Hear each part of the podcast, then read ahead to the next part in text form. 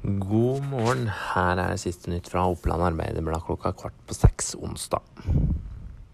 En totning i 20-åra ble for flere år siden dømt for vold mot offentlig tjenestemann. Tidligere i år skjedde det noe som førte til at han har fått en ny dom for et tilsvarende tilfelle. Mannen han var på et utested på Gjøvik og ble kasta ut. Deretter havna han i munnhoggeri med, med vakt på stedet, og deretter politiet som kom til.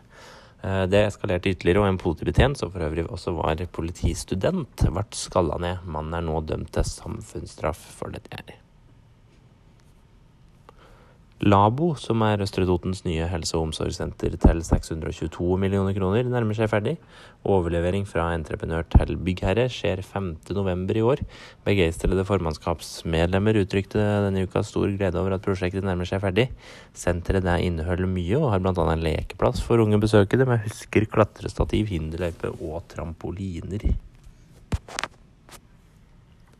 Anne Karin Synselin, som var andrekandidat for Frp i Vestre Toten til årets kommunevalg, har fått en skriftlig advarsel fra styret i Innlandet Frp etter at hun var aktiv på Facebook-sida til Stopp islamiseringen av Norge, også kalt SIAN, tidligere.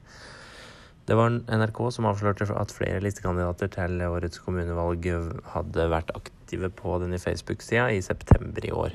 Johan Aas i Innlandet Frp forteller til om at hun har fått en skriftlig eh, advarsel etter å sjøl ha gitt en skriftlig redegjørelse til styret. Synselin hun sier til OA at hun har hatt en samtale med styret, og at de er enige. Klikk deg inn på oa.no for flere nyheter nå på morgenen. Ha en fortsatt fin onsdag.